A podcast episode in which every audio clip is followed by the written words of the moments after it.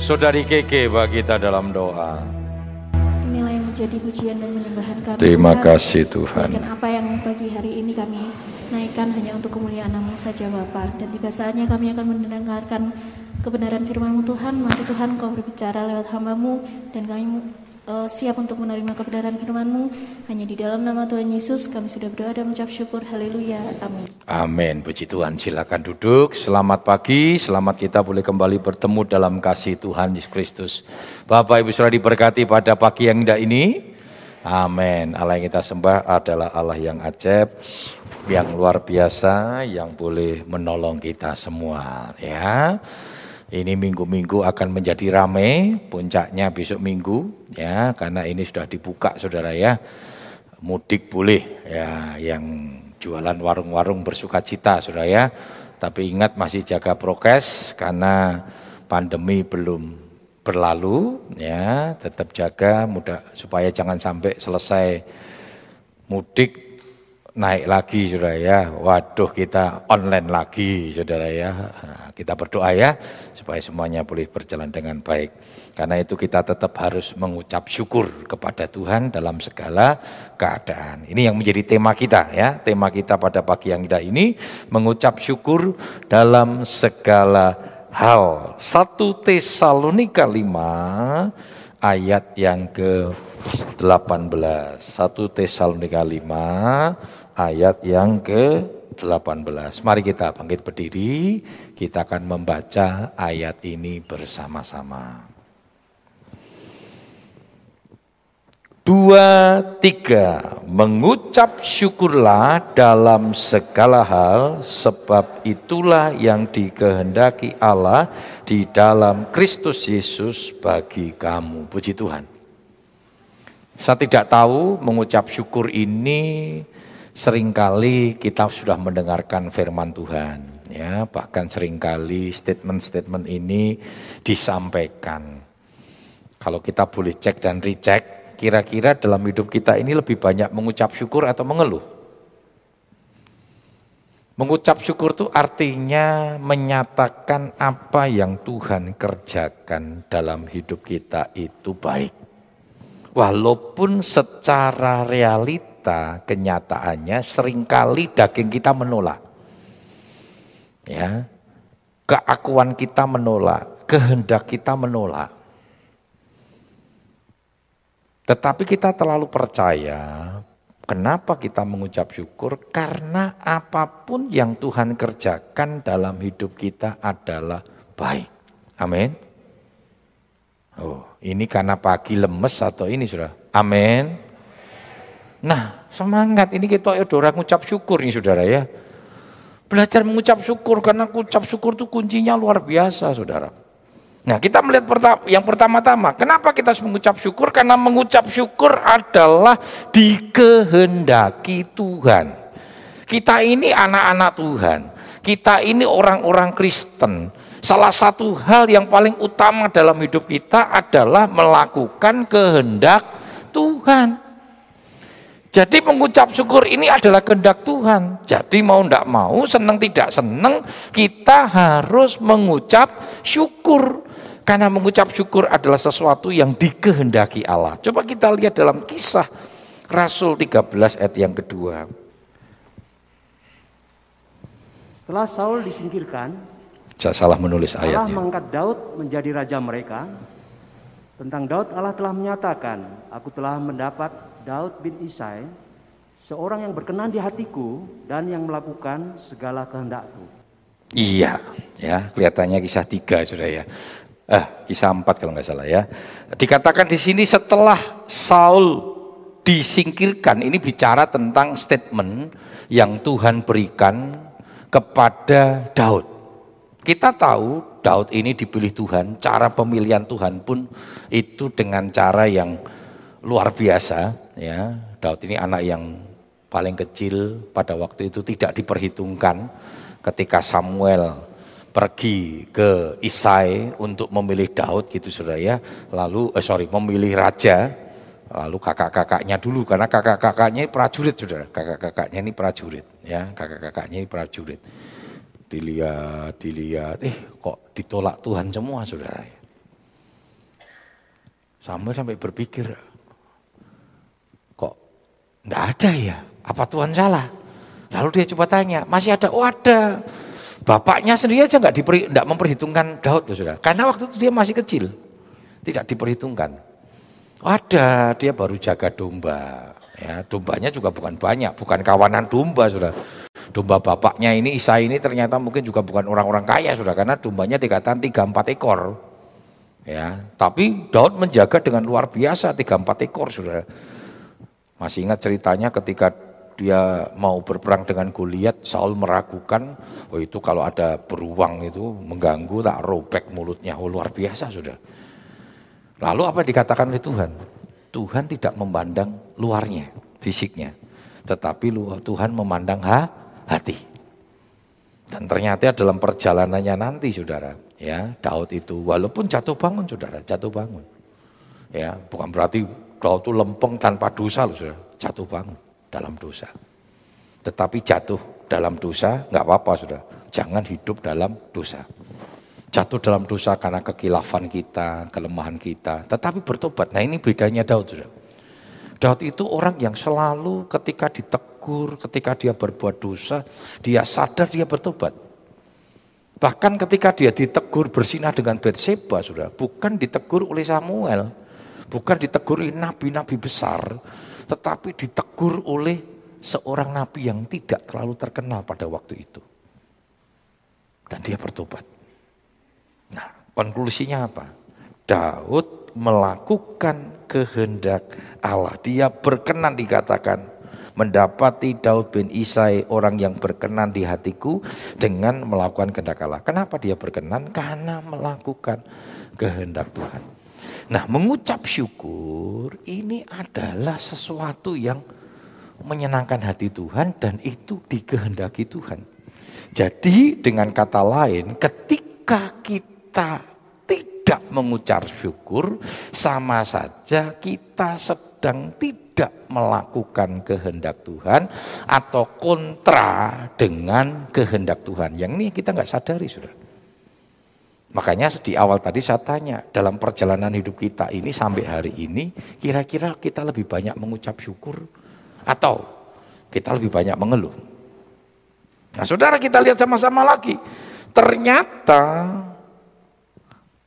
tadi dikatakan oleh firman Tuhan tentang Daud, Allah itu berkenan kenapa? Karena Daud melakukan kehendak Tuhan. Coba kita lihat dalam Matius 7 ayat 21 hingga 23. Matius 7 ayat 21 sampai 23. Bukan setiap orang yang berseru kepadaku, Tuhan, Tuhan, akan masuk ke dalam kerajaan surga, melainkan dia yang melakukan kehendak Bapakku yang di surga. Pada hari terakhir banyak orang akan berseru kepadaku, Tuhan, Tuhan, bukankah kami bernubuat demi namamu dan mengusir setan demi namamu dan mengadakan banyak mujizat Demi namamu juga, pada waktu itulah aku akan berterus terang kepada mereka dan berkata, Aku tidak pernah mengenal kamu, nyahlah daripadaku, kamu sekalian pembuat kejahatan. Iya, ini ayat yang luar biasa saudara. Saya berapa kali sudah sampaikan kepada Bapak Ibu Saudara untuk mengingatkan kita semua. Jadi ternyata bukan sekedar aktivitas, bukan sekedar kita kelihatannya kita ini orang yang di luarnya itu kelihatannya orang yang rohani, ternyata ternyata rohana, Saudara. Dikatakan tadi bukan setiap orang yang menyebut aku Tuhan, Tuhan. Banyak orang menyebut Tuhan, Saudara, tapi sayangnya latah. Kesandung yang disebut Tuhan Yesus. Yesus tolong, Yesus tolong. Itu jaluk, jaluk betul Yesus tolong atau latah. Wono bus ngebel, dinin, Yesus tolong, Yesus tolong, Yesus tolong. Ini latah saudara. Hati-hati dengan latah juga. Dan Tuhan katakan, bukan setiap orang yang menyebut aku Tuhan, Tuhan. Orang ini ora terima saudara. Duh, saya kan tidak menyebut, sekedar menyebut Tuhan, Tuhan. Saya rajin melayani PS Siloam angklung kulintang sangka kalah. Apalagi saudara ya. Saya melayani wanita Deborah, wanita Esther, Pelprip, wah kabeh dilayani sudah. Bernubuat demi namamu, wah ini kan dahsyat sudah. Hari-hari ini kan nubuatan ini kan. Apa benar nubuatan atau kubuat atau lubuat saudara. Hati-hati dengan nubuatan. Bukan berarti nubuatan tidak ada sudah, ada. Tetapi nubuatan itu disampaikan Tuhan untuk membangun jemaat. Mengusir setan demi namaku, loh luar biasa sudah. Mengadakan mujizat demi namamu, demi namamu semua sudah. Kelihatannya demi nama Tuhan. Tetapi firman Tuhan katakan apa? Ayat 23 tadi. Pada waktu itu aku akan berterus terang kepadamu. Enyahlah kalian pembuat kejahatan, aku tidak kenal engkau. Tidak kenal loh saudara. Banyak orang hari-hari kita yang ngaku-ngaku kenal baik Tuhan, cedak baik Tuhan, bahkan sepertinya Tuhan itu hanya miliknya dia. Ada banyak gereja berkata, yang diselamatkan pun cuma gereja kita tok. Wah ini sesat saudara. Wong Tuhan berkata dalam Yohanes 3:16 karena begitu besar kasih Allah akan dunia ini supaya setiap orang bukan supaya GPDI Siloam bukan hanya jemaat GPDI Siloam setiap orang yang percaya. Banyak sekarang saudara. Hati-hati. Bahkan ada pendeta yang setiap hari bisa naik turun surga ya saudara. Saya tipe orang gregetan. Artinya gini, saya itu tipe orang nggak mau hanya dengar suara, dengar berita. Satu kali saya ke kota Jakarta, saya pergi ke gerejanya. Mengadakan perjamuan kudus setiap minggu, itu sih nggak masalah sudah. Ya, itu nggak masalah. Mau setiap minggu kan itu memperingati ya, memperingati uh, korban Yesus disalib ya, itu nggak apa-apa. Tapi betul, sudah. Pertama kali khotbah introduksinya, tadi pagi saya ke surga ngopi sama Tuhan Yesus. Ya ampun Tuhan Yesus neng surga ono kopi. Saya mau tanya Robusta, Arabica, ini bisa tanya Vira saudara ya, ini jago kopi saudara. Apakah Torabika, Arabica, apa Mokacino, saya nggak ngerti saudara. Kok penak men, saya ke surga. Jemaatnya langsung amin. Ini yang gila siapa, saya bingung juga saudara. Benar saudara, saya waktu langsung, waduh Ternyata betul sudah. Ngopi terus turun. Saya harus cepat turun karena mau ibadah, mimpin ibadah. Wah, idian saudara. Kok penak banget saudara ya. Wong Paulus saja naik diizinkan Tuhan, diizinkan Tuhan. Naik ke tingkat ketiga surga itu aja dia tidak berkata aku. Ada seorang 13 tahun yang lalu.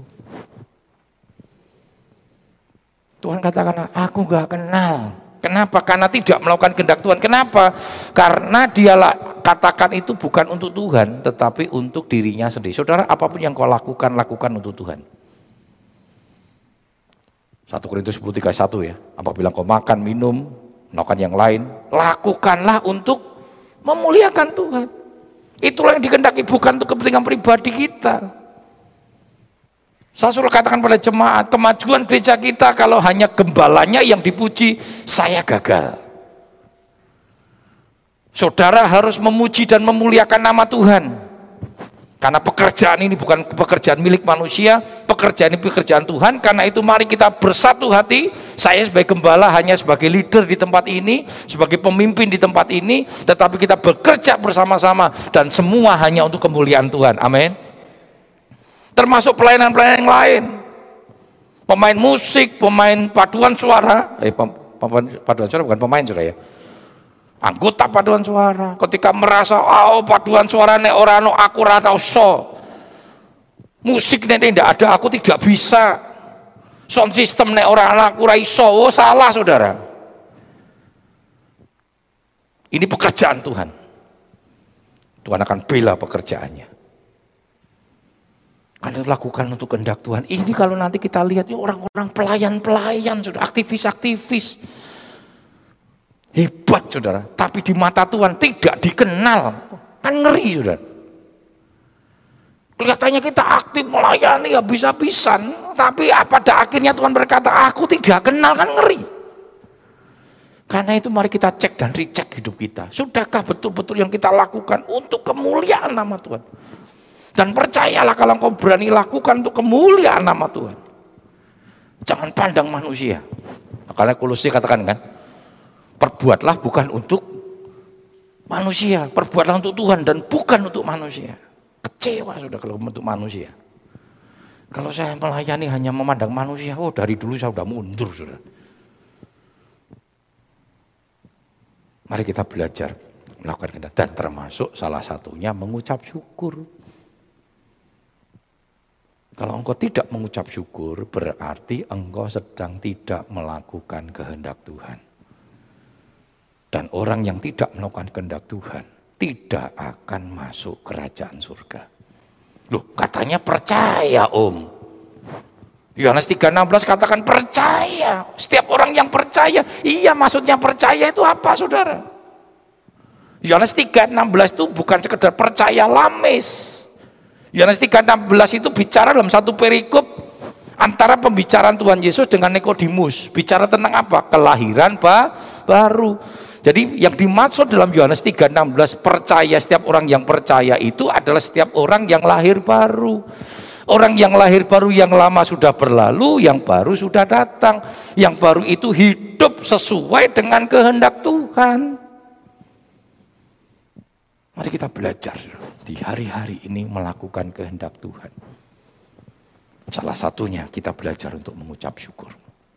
Yang kedua, dikatakan mengucap syukur dalam segala keadaan mengucap syukur dalam segala hal.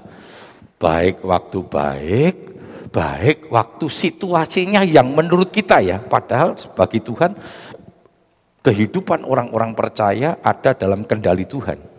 Tidak pernah Tuhan merancangkan sesuatu yang tidak baik. Walaupun ketika Tuhan ingin membawa kita kepada satu nilai indah, itu dalam sebuah pro proses. Nah, proses ini yang sering kali memang tidak mengenakan. Karena via dolorosa itulah Alkitab berkata setiap lutut bertelut, setiap lidah mengaku. Kalau tidak ada jalan via dolorosa berarti tidak ada kebangkitan. 1 Korintus 15 tidak akan pernah terjadi, hei mau di mana sangatmu? Karena Yesus sudah mengundurkan diri. Tapi dia nikmati proses penderitaan via dolorosa dan akhirnya kebangkitan itu muncul dan Alkitab berkata dalam kitab Filipi setiap lutut bertelut, setiap lidah mengaku Yesus Tuhan. Kalau Yesus nggak mati buat kita, hari ini kita nggak ibadah, saudara. Apa yang mau kita mau puji? Apa yang kita mau agungkan? Tapi karena Yesus dalam ketaatannya, kitab Filipi berkata, dia mati di kayu salib dalam sebuah proses yang luar biasa. Dan pada akhirnya kemenangan itu dinyatakan, maut itu dikalahkan, dan yang utama setiap lutut bertelut menyembah dan mengaku Yesus itu adalah Tuhan. Ya, jadi Tuhan tidak pernah merancangkan sesuatu yang jahat dalam hidup kita. Semua proses Tuhan pun ajarkan dalam kehidupannya proses yang tidak enak, saudara. Karena itu mari kita belajar mengucap syukur. Coba kita lihat dalam 1 Tesalonika 2 ayat 13. 1 Tesalonika 2 ayat yang ke-13. Dan karena itulah kami tidak putus-putusnya mengucap syukur kepada Allah. Sebab kamu telah menerima firman Allah yang kami beritakan itu. Bukan sebagai perkataan manusia, tetapi dan memang sungguh-sungguh demikian sebagai firman Allah yang bekerja juga di dalam kamu yang percaya Iya. Dikatakan tidak putus-putusnya mengucap syukur kepada Allah sebab kamu telah menerima firman Allah yang kami beritakan ini bukan sebagai perkataan manusia tetapi memang sungguh-sungguh demikian sebagai firman Allah yang bekerja di dalam kamu. Kalau firman itu bekerja dalam hidup kita, setiap firman yang kita dengar itu bekerja dalam hidup kita. Hidup kita karena firman, saudara firman itu sudah menjadi menjadi daging di dalam diri Yesus Kristus dan firman Tuhan itu adalah Yesus. Dan firman Tuhan yang kita dengar ya, walaupun gara-gara pandemi harus dipersingkat saudara, saya tidak tahu saudara bersuka cita atau tidak itu.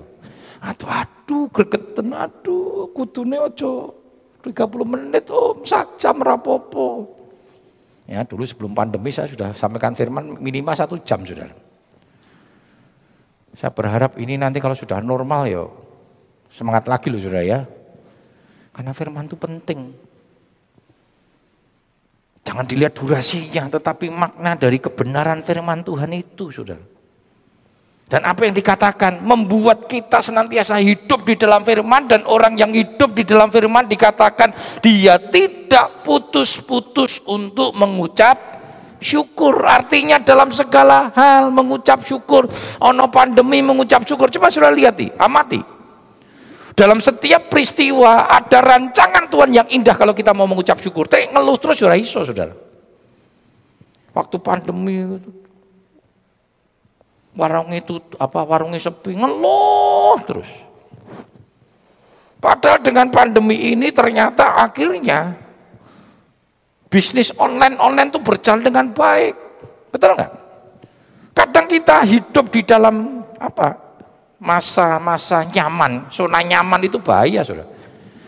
Wis penak, selalu kan cerita gitu. Mana urung pandemi, oh mau yang ini wis entek.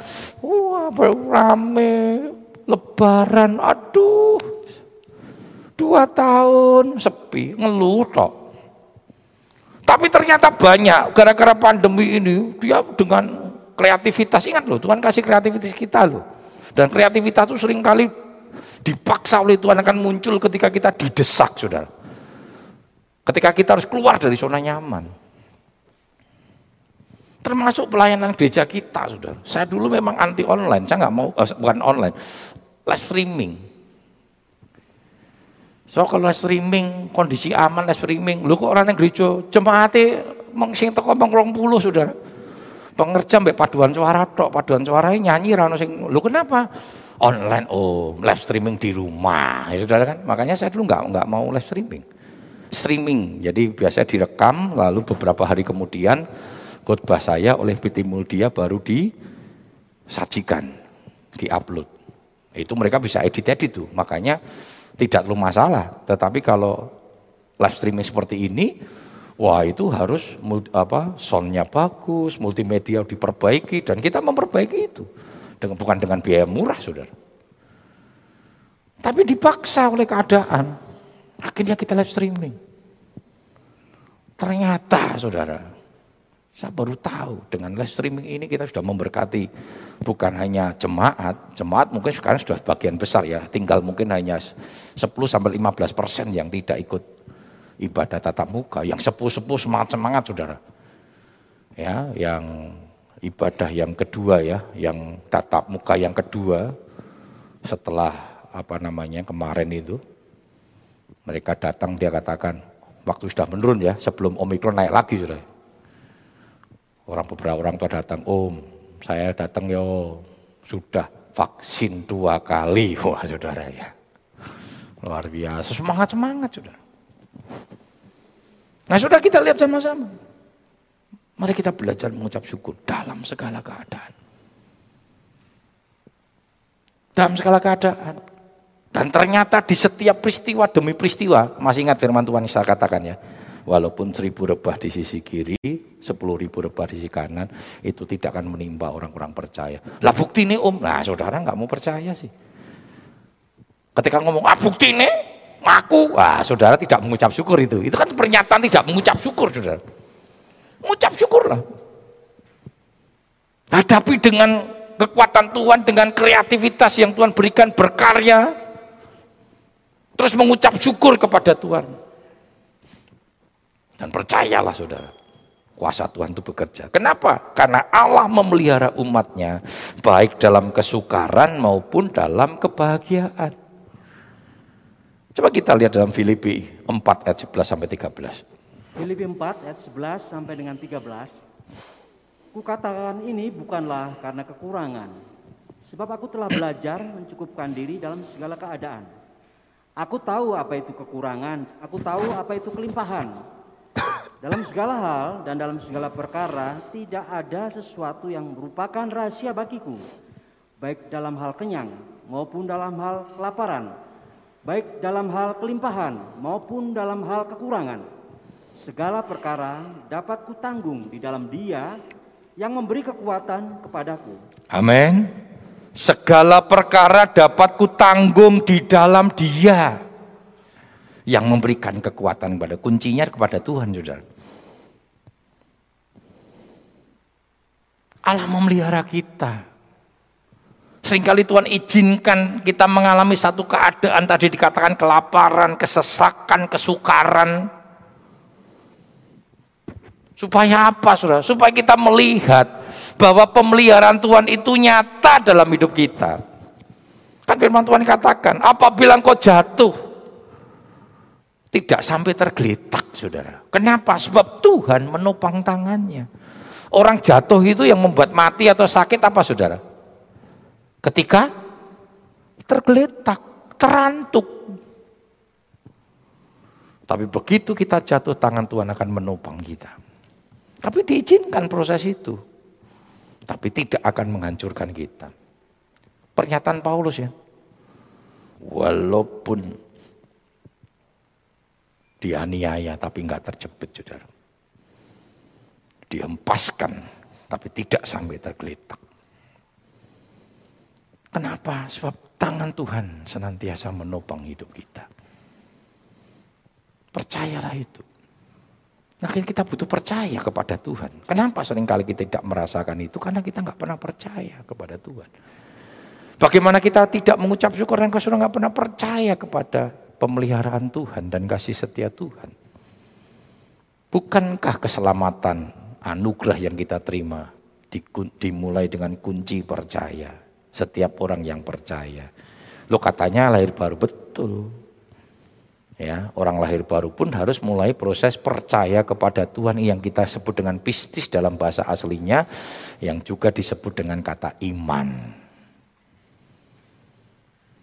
Mari kita belajar mengucap syukur dalam segala perkara. Yang ketiga, mengucap syukur adalah pilihan.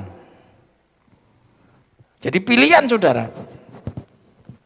Masih ingat kenapa pilihan? Karena Tuhan menciptakan manusia bukan sebagai manusia robot. Tuhan kasih free will. Manusia diberikan kehendak bebas. Jadi ketika dia mengucap syukur bukan karena dipaksa oleh Tuhan mengucap syukur. Bukan karena satu satu kondisi membuat dia tidak bisa memilih. Tidak. Mengucap syukur itu pilihan. Saudara bisa memilih menghadapi pandemi dengan mengucap syukur. Saudara bisa memilih untuk mengeluh, meratapi diri, menangisi diri, mengasihani diri, ke mana-mana cerita, wah aku wong sengsoro, saya ini orang yang paling tidak bahagia, saya ini orang yang paling menderita, Tuhan tidak pernah mengasihi saya, apalagi sudah melibatkan Tuhan saudara. melibatkan Tuhan menyatakan bahwa Tuhan itu tidak sayang sama saya. Waduh bahaya sekali saudara. Kita dikasih kehendak bebas. Ketika sudah mau bersyukur ya itu pilihanmu. Dan ada konsekuensi dari setiap pilihan kita. Sudah memilih untuk mengeluh, ya itu pilihanmu. Firman Tuhan katakan, hati yang gembira adalah obat. Orang yang gembira itu selalu didasari dengan mengucap syukur. Kenapa dia gembira? Karena dia mengucap syukur, saudara. Tapi semangat yang patah keringkan tulang. Jelas Alkitab berkata. Semangat yang patah itu ngeluh terus. Urip kok ngeluh. Hai. Mari. Kita memilih. Dengan kehendak bebas kita, kita memilih untuk mengucap syukur. Toh efek atau konsekuensi akibat dari mengucap syukur itu kembali kepada kita, bukan untuk Tuhan, kembali kepada kita. Apa pun yang Allah kerjakan dalam hidup kita itu selalu bukan untuk keuntungan Tuhan, untuk keuntungan kita. Roma 8:28 kan. Kita tahu sekarang bahwa Allah itu bekerja untuk mendatangkan kebaikan bagi mereka yang mengasihi Dia, bukan untuk Tuhan, untuk kita. Ketika engkau mengucap syukur, efeknya untuk siapa? Ya untuk kita. Satu, kita melakukan kehendak Tuhan. Kedua, itu kita dapat senantiasa diberikan kekuatan untuk menghadapi setiap persoalan-persoalan hidup kita. Ya, coba kita lihat sama-sama dalam Roma 7 ayat 19. Roma 7 ayat yang ke-19. Sebab bukan apa yang aku kehendaki, yaitu yang yang aku perbuat, melainkan apa yang tidak aku kehendaki, yaitu yang jahat yang aku perbuat. Berarti kan saudara, ayat ini menunjukkan setiap orang memiliki kehendak bebas untuk membuat keputusan sesuai dengan kehendaknya. Memang untuk melakukan kehendak Tuhan, lawan terberat itu adalah kehendak diri sendiri. Alkitab berkata keinginan daging bertentangan dengan keinginan roh. Dan itu kita sudah melihat Tuhan Yesus memberikan teladan bagaimana Tuhan Yesus bisa mengalahkan kehendak dagingnya supaya kehendak Tuhan terjadi waktu dia berdoa di Taman Getsemani. Bukan kehendakku yang jadi, tetapi kehendakmu. Di awal ayat itu dia berkata satu statement kalimat yang menyatakan jikalau boleh cawan ini lalu daripadaku. Ini bicara dia dagingnya menolak sudah. Kalau boleh via dulurusa jangan dialami. Tetapi kita bersyukur. Tuhan Yesus berikan teladan sama kita ketika dia berkata bukan kehendakku melainkan kehendakmu. Tuhan memilih untuk senantiasa melakukan kehendak Tuhan. Dan dia terima dengan ucapan syukur. Dia nggak ngeluh sudah. Buktinya apa? Waktu dia dibawa kepada Via Dolorosa. Melihat orang-orang menganiaya dia. Meludahi, memukul. Menghajar Yesus. Dan Yesus tidak bersalah kalau seorang pencuri dihajar, saudara, ya dia nggak bisa sakit hati sama orang yang ngajar. Dia bersalah. Tapi dia dihajar, dia nggak bersalah. Apa yang dia katakan sama Tuhan? Bapak, ampuni mereka. Loh, saya yakin percaya sudah kalau tidak salah dipersalahkan sakit hati sudah. Sudah pasti dalam walaupun reso ngelawan ya. Dalam hati sudah akan ngomong gini kurang ajar. Bela Tuhan, bela Tuhan hukum sampar dengan petir mungkin gitu sudah ya.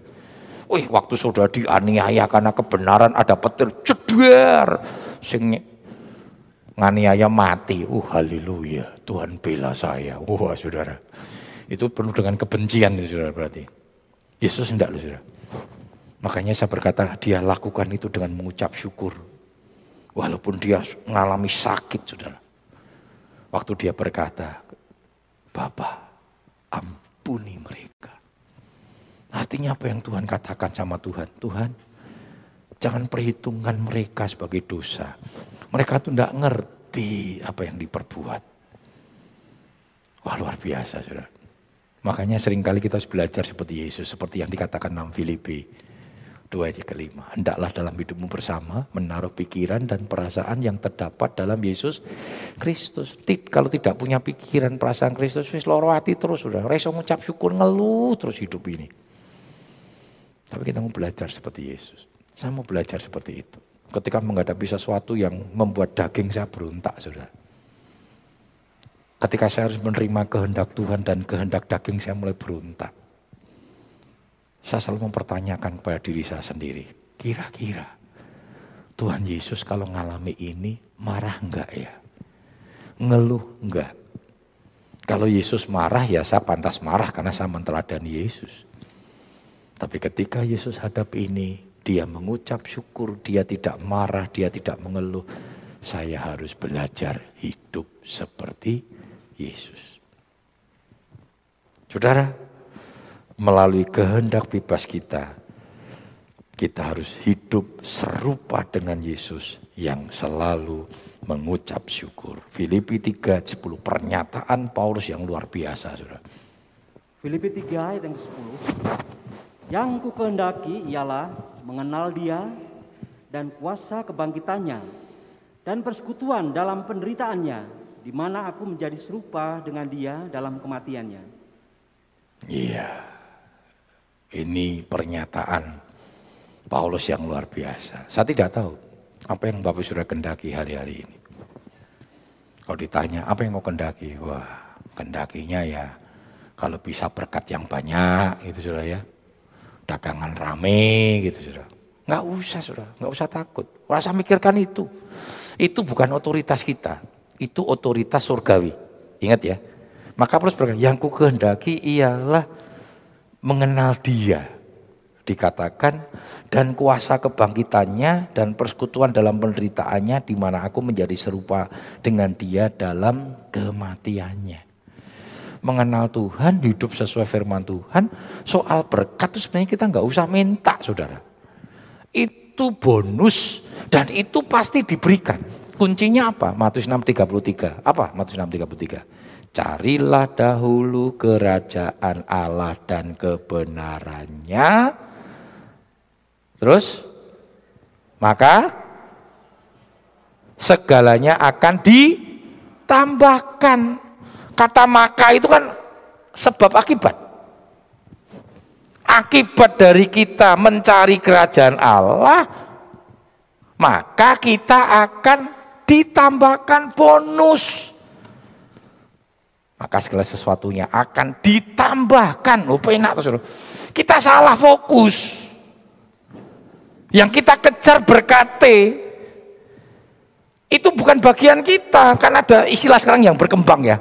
Kerjakan bagianmu, maka Tuhan akan mengerjakan bagi bagiannya. Itu bagiannya dioyak, ngulak berkat terus saudara. Padahal bagian kita apa? Fokus cari kerajaan Allah Soal berkat biar Tuhan, kerajaan surga yang mikirin. Kita salah fokus. Kerja di bidang keuangan ngurusi bagian administrasi. Orang fokus.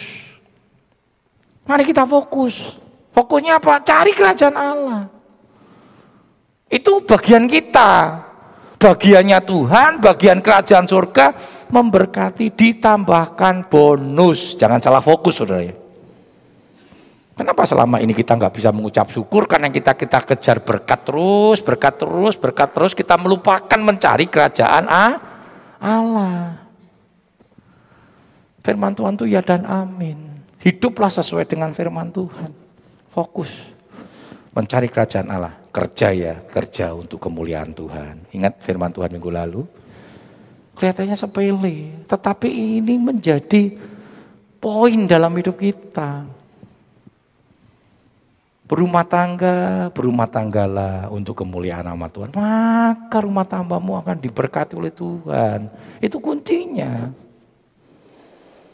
Sekolah, kuliah, ya kuliahlah untuk memuliakan nama Tuhan. Maka semuanya ditambahkan kepadamu.